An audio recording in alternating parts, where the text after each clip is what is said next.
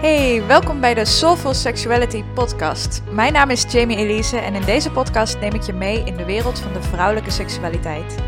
Ik heb zelf 10 jaar last gehad van vaginisme of pijn tijdens het vrijen, maar bevind me nu met regelmaat in de zevende sekshemel. En in deze podcast ontdek je hoe jij hetzelfde kunt bereiken. Want seksueel genot is je geboorterecht en dat hoeft niet gefaked of genegeerd te worden. Hey, superleuk dat je weer luistert naar een nieuwe aflevering van de Soulful Sexuality podcast. Ik hoop dat het ontzettend goed met je gaat, eh, dat je lekker van de zomer aan het genieten bent. Ook al is het, eh, terwijl ik dit opneem, eh, ontzettend aan het stormen en regenen en weet ik het wat allemaal. Maar ik vind dat ergens ook altijd weer een soort van gezellig of zo. Dat heb ik ook altijd na de zomer, dat ik dan echt uit kan kijken naar de herfst, dat het weer vroeg donker wordt en ik mijn warme truien aan kan en kaarsjes aan kan steken en dat soort dingen. Ik had het ook echt toen ik, uh, toen ik in Spanje woonde. Toen miste ik de seizoenen zo erg. Dat was voor mij ook een van de redenen om terug te verhuizen naar Nederland. Dus ik denk dat het echt waar is. You don't know what you've got till it's gone. Uh, ik dacht echt dat ik altijd zomer en warmte en zon wilde. Totdat mijn realiteit werd eigenlijk. En toen dacht ik, hé, hey, ik mis eigenlijk wel gewoon dat er ook een lente is en een herfst en een winter. Het is in, in Spanje, in Malaga waar ik woonde, daar is het eigenlijk warm of koud. En koud is dan 15, 16 graden. Maar dan lopen Spanjaarden wel met sjaals om en mutsen op en dat soort dingen. En daar ga je om de een of andere reden dan ook aan meedoen. Ik, het valt mij echt op dat als ik daar ben en het is 16, 17 graden, dat ik dan een dikke winterjas aan heb en handschoenen aan en muts op. En als ik hier ben, dan, nou, volgens mij loop ik zonder jas als het 16, 17 graden is. Maar dat is echt uh, grappig hoe dat, uh, hoe dat ook werkt. Maar anyhow, lang verhaal kort. Ik vind dit uh, zomerse buitje best heel erg gezellig. En uh, verder zijn er ook een aantal dingen aan het gebeuren, aan het veranderen. En dat is voor mij ook wel echt onderdeel van de zomer. De winter is natuurlijk een beetje kokonnen en reflecteren en in je schulp kruipen en um, dat soort dingen allemaal. En dan in de lente komen er bij mij altijd nieuwe ideeën op. En dan heb ik zin om erop uit te trekken en inspiratie op te doen en plannen te maken. En dan is de zomer echt voor de uitwerking daarvan. En ik ben heel erg blij met het uh, nieuwe ritme wat ik voor mezelf gecreëerd heb. Waarbij ik nu eigenlijk drie, drieënhalve dag per week coach. En de rest van de tijd, dus anderhalve dag, um, zit ik, of anderhalf, twee dagen, zit ik nu uh, op een uh, coworking space eigenlijk in, uh, hier in Den Haag. En dat werkte zo goed voor mijn creativiteit. Het kwam er thuis gewoon niet uit. De coachsessies gaan natuurlijk fantastisch thuis. Dat kan ik niet doen in zo'n coworking space waar anderen bij zitten. Maar ja, mijn creativiteit, dat, uh, dat liet een beetje te wensen over thuis. Ik ging dan de hele tijd toch andere dingen doen. En dat werkt daar ontzettend goed. En ik ben eindelijk weer een project aan het oppakken. wat eigenlijk al heel lang op de kast lag te verstoffen. En dat is iets waar, ja, waarvan al heel veel mensen, cliënten, uh, mensen op Instagram tegen mij gezegd hebben van waarom ga je dat niet een keertje doen? Uh, en een keertje doen. Uh, het is een boek schrijven over vaginisme, dus dat is niet iets wat je, wat je even doet. Maar ik ben wel heel erg blij dat ik dat project weer heb opgepakt en dat ik weer heel veel plezier beleef aan het schrijven. Dus met name daar in die coworking space.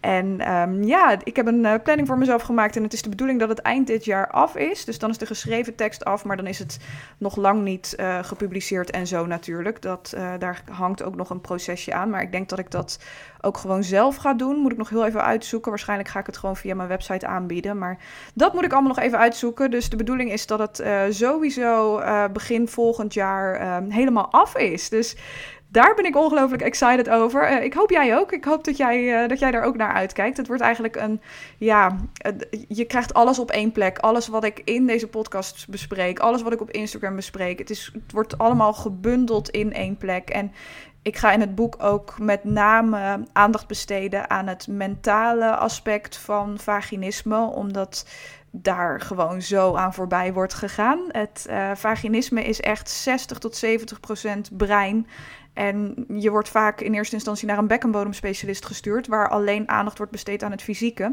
En vervolgens vraag jij je af waarom je niet van je vaginisme afkomt. Um, en als er wel aandacht wordt besteed aan het mentale, dan is dat vaak puur het seksuele. Dus bij de seksoloog van hey, hoe denk je over seks? Hoe denk je over je eigen seksualiteit? En beide zijn absoluut belangrijk. Het is absoluut belangrijk om te kijken naar het fysieke aspect, om die controle over je bekkenbodemspieren terug te krijgen. Uh, en om te kijken naar je relatie met seks. Maar daarnaast gaat het nog zoveel verder. Het is zo belangrijk om te kijken naar jouw relatie met je eigen lichaam naar jouw relatie met je eigen seksuele genot. Uh, kun je communiceren? Kun je je grenzen aangeven?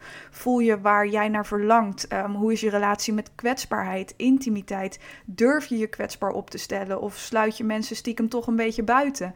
Uh, nou, dat soort dingen allemaal, dat zal met name de focus van het boek gaan worden. Ik wil dat het zo compleet en volledig mogelijk wordt. Dus ik ga ook echt aandacht besteden aan die andere twee onderwerpen. Dus je relatie tot seks en uh, het fysieke aspect.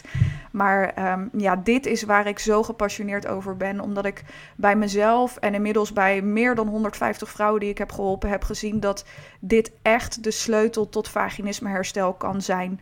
Uh, dus ik zie bij zoveel vrouwen dat ze al jaren vastlopen op het fysieke stukje, op gesprekken met de seksuoloog, waar het enkel en alleen gaat over seks en je eigen seksualiteit. Um, en ja, nou ja, wat ik net ook al zei, ik heb nu inmiddels bij zoveel vrouwen en ook bij mezelf gezien dat de sleutel vaak dieper ligt. Dus ja, je relatie tot kwetsbaarheid, intimiteit, um, je open durven stellen, um, de controle los kunnen laten, uh, perfectionisme en performance los kunnen laten. Nou, dat soort dingen allemaal. Dus uh, dat wordt de main focus van het boek. En ik ben ongelooflijk excited. En uh, ik hoop jij ook. En dan uh, gaan we nu lekker deze podcastaflevering induiken. Want het is een, uh, een beetje een vervolg op de laatste aflevering, waarin het natuurlijk ging over je angst voor afwijzing. En als je hem niet geluisterd hebt, dan uh, vind je het misschien fijn om hem nog even te luisteren voor deze aflevering. Al is het ook niet per se noodzakelijk. Maar um, in de vorige aflevering ging het over je angst voor afwijzing als je gaat daten met vaginisme. En um, dat deed bij mij eigenlijk weer een paar belletjes rinkelen. En het, het, ja, ik realiseerde me ineens dat uh, de aflevering eigenlijk niet zo volledig was als ik graag zou willen. Omdat angst voor afwijzing, het, het gaat zoveel verder ook nog. En zoals de titel van deze aflevering ook zegt, er is één woord wat jouw relatie en seksleven echt kan redden. En dat is het woord nee. Het is niet alleen belangrijk dat je oké bent met afwijzing. Het is minstens zo belangrijk. En echt afwijzing tussen aanhalingstekens, hè, want het bestaat helemaal niet. Afwijzing is niets. Afwijzing is een grens van een ander. Uh, en als je het zo gaat zien, als je het echt gaat zien als een grens van iemand anders en dus niet iets wat iets over jou zegt, dan wordt je leven zo ongelooflijk veel makkelijker. Altijd als wij worden afgewezen, de eerste reactie is: oh shit, dat komt door mijn vaginisme. Oh shit, ik ben niet goed genoeg. Oh shit, mijn partner wil me niet meer als je, wordt, uh, als je initiatief tot seks wordt afgewezen. Oh shit, misschien is mijn partner niet meer tot me aangetrokken we laten het zo vaak iets over onszelf betekenen. En je leven verandert als je afwijzing gaat zien als een grens van een ander. Een grens in het moment. Bijvoorbeeld, ik ben nu te moe voor seks. Wat nowhere near hetzelfde is als ik voel me niet meer tot jou aangetrokken. Ik ben niet meer verliefd op je. Ik ben stiekem verliefd op iemand anders. En al die dingen die ons brein op dat moment kunnen gaan verzinnen. Um, een afwijzing kan ook een grens zijn van wat iemand in zijn of haar leven wilt creëren. Sorry, maar ik kies ervoor om niet verder met jou te daten. Um, ik vind je een hartstikke leuk persoon, maar ik wil deze relatie niet verder ontwikkelen. Sorry, jij bent het niet. Uh, dat is een grens van een ander waarmee die persoon zijn of haar eigen leven inricht. Het zegt niets over jou. En zodra je dat gaat zien. Um, zal je leven ontzettend veel makkelijker worden. En wat je daar in eerste instantie voor nodig hebt, zijn eigen grenzen. Jij bepaalt wat je binnenlaat en wat niet. Je kan zelfs uh, figuurlijk of, of energetisch of wat dan ook je handen voor je uitsteken. Uh, en ze vervolgens dan uh, naar binnen vouwen. Dus eigenlijk dat je, ze, dat je een soort stopteken maakt met je handen. En ze dan vervolgens open slaat. Dus dat je handen naar elkaar toe wijzen als je iets binnen wilt laten. En het is een hele mooie oefening om dat voor jezelf te doen. Van oké, deze overtuiging die nu bij mij binnen wilt komen door de afwijzing van een ander, de overtuiging dat er iets mis met mij is, dat ik niet goed genoeg ben, dat het allemaal mijn schuld is, dat ik iets anders had moeten doen of zeggen, dat ik beter mijn best had moeten doen, of dat ik, dit is een hele goeie, dat ik nog meer te helen heb. Uh, oh my god, zullen we daar alsjeblieft mee ophouden? Um, al die overtuigingen, je kunt ervoor kiezen om ze buiten de deur te houden. Afwijzing, tussen aanhalingstekens, doet zo'n pijn omdat het licht schijnt op wat we de godganse dag bij onszelf doen. Als jij je gevoelens de hele dag afwijst, als jij je gevoelens ziet als een soort noodgevallen waar direct iets aan gedaan moet worden. Dus, oh shit, ik voel pijn of oh shit, ik voel verdriet. Wat kan ik doen om hier zo snel mogelijk van af te komen? Vaak voordat je met helingswerk aan de slag gaat, is dat verdoving op wat voor manier dan ook. En dat is ook niet per se verkeerd. Uh, je, je mag af en toe je gevoelens verdoven. Het is ook veel allemaal. Um, maar vaak is het in eerste instantie je gevoelens verdoven met seks, drugs, drank, eten, um, uh, daten, uh, dingen kopen op internet. Er zijn honderd en één waar we niet per se beter van worden, uh, waar we ons niet per se beter door gaan voelen, maar die wel bepaalde gevoelens even verdoven natuurlijk. Maar vaak kom je dan in een fase waarin je je gevoelens wel toelaat, maar er nog steeds zo snel mogelijk van af wilt. En nog steeds denkt dat er iets mis met jou is omdat je bepaalde dingen voelt. Uh, dat je zegt van, oh, ik had hier toch al lang overheen moeten zijn. Of waarom raakt dit me zo? Uh, waarom reageerde ik zo? Waarom kan ik hier niet op een andere manier mee omgaan? Waarom ben ik nog steeds verdrietig? Waarom ben ik jaloers? Waarom, waarom, waarom, waarom? Waarom voel ik deze dingen? En dat is nog steeds een afwijzing van jezelf. Um, als jij je vaginisme niet accepteert, uh, als jij je vaginisme afwijst en nog steeds het idee hebt dat je niet goed genoeg bent met je vaginisme, dat je er zo snel mogelijk van af zult komen, als dat de overtuiging is die jij over jezelf hebt, is dat de reden dat het zo ongelooflijk pijn doet als iemand anders jou afwijst, tussen aanhalingstekens, vanwege jouw vaginisme. Jij kan voor jezelf besluiten dat jij genoeg bent met je vaginisme. Jij kan voor jezelf besluiten dat iedereen die dat niet ziet, niet jouw persoon is. Dat, die, dat iedereen die dat niet ziet, geen toegang hoeft te krijgen tot jouw leven. De meningen van anderen, de overtuigingen van anderen, de keuzes van anderen mag je bij die persoon laten. Je eigen keuzes, je eigen overtuigingen, je eigen meningen, die mag je bij jezelf houden. En dit betekent niet dat je je vaginisme leuk moet vinden, maar wel dat je voor jezelf bepaalt dat jij oké bent met je vaginisme. Dat jij goed genoeg bent met je vaginisme. Dat jij al het geluk, alle liefde en alle fantastische seks van de wereld waard bent met je vaginisme als je dat voor jezelf gaat doen, dan verliest afwijzing, met andere woorden, een grens van een ander, uh, de grip op jou. Dan verliest dat alle grip op jou. En uh, dat, dan voel je je weer in je, in je eigen kracht staan. Ik heb zo'n hekel aan die zin, in je eigen kracht staan. Maar goed, anyhow, uh, dan ga je dat weer voelen. Dan ga je echt krachtig voelen um, in je eigen leven. En um, het afwijzing kunnen voelen. Dat, is, dat zei ik net natuurlijk aan het begin van deze podcast.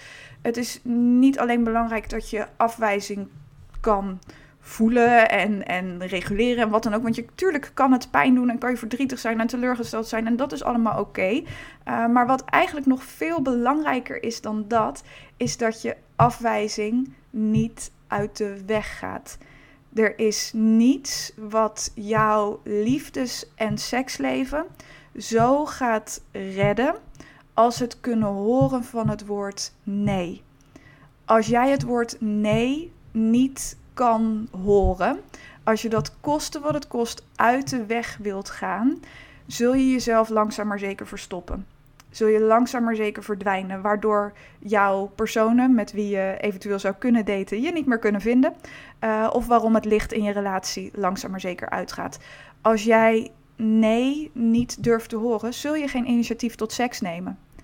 En je vervolgens afvragen hoe het kan dat er al weken, maanden, jaren niets gebeurd is. Je gaat het gesprek uit de weg, maar je gaat ook het risico van die nee uit de weg. En daarvoor, om dat risico te durven nemen, is het dus heel erg belangrijk dat je gaat voelen dat een nee van een ander niets over jou zegt.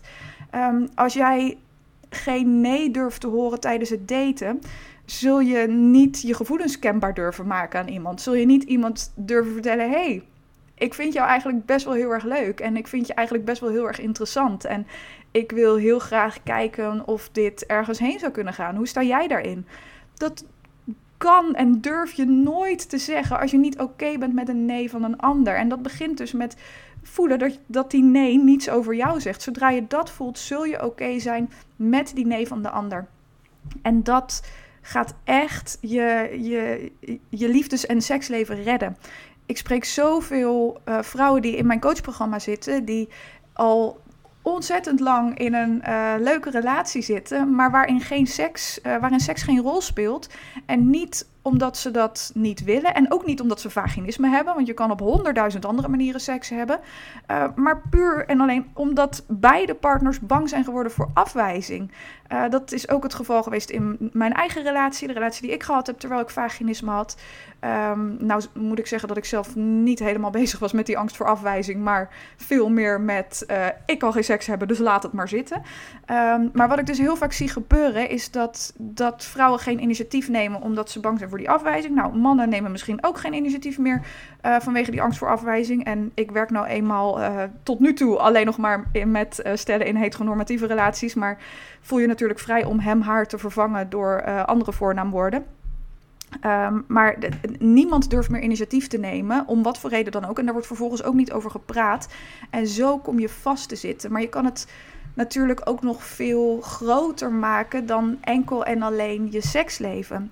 Als jij bang bent voor de nee van je partner, zul je niet voorstellen om leuke dingen te gaan doen samen. Zul je niet voorstellen om uh, een weekendje weg te gaan samen. Zul je bang zijn om jouw dromen, om jouw verlangens te delen. Puur en alleen omdat je bang bent dat die ander zegt: Ja, sorry hoor, maar daar moet ik gewoon echt even niet aan denken. Nee. Het belangrijkste werk wat je voor jezelf kan doen, is leren oké te zijn met het woord nee. Zodat jij in al je glorie kan verschijnen in je relatie, in het daten, in je seksleven. Goed, dat was, uh, dat was hem voor vandaag. Uh, een iets kortere aflevering dan normaal, maar ik hoop dat dit waardevol voor je was. Was eigenlijk een, uh, een kleine aanvulling op, op de vorige aflevering. ik vind het ontzettend leuk om van je te horen. Dat gaat het makkelijkst via Instagram. Daar kun je me vinden onder healingpainful.sex. Um, en via de link in de show notes kun je je inschrijven voor mijn gratis online masterclass van pijn naar pleasure. En in deze masterclass vertel ik je precies wat vaginisme is, wat vaginisme veroorzaakt en ook wat de drie stappen zijn om daarvoor eens en altijd van af te komen. En uh, deelname is gratis en anoniem, dus echt makkelijker dan dat wordt het niet. En je kunt je hiervoor aanmelden via de link in de show notes. Goed, voor nu een hele fijne ochtend, middag of avond en heel graag tot de volgende aflevering.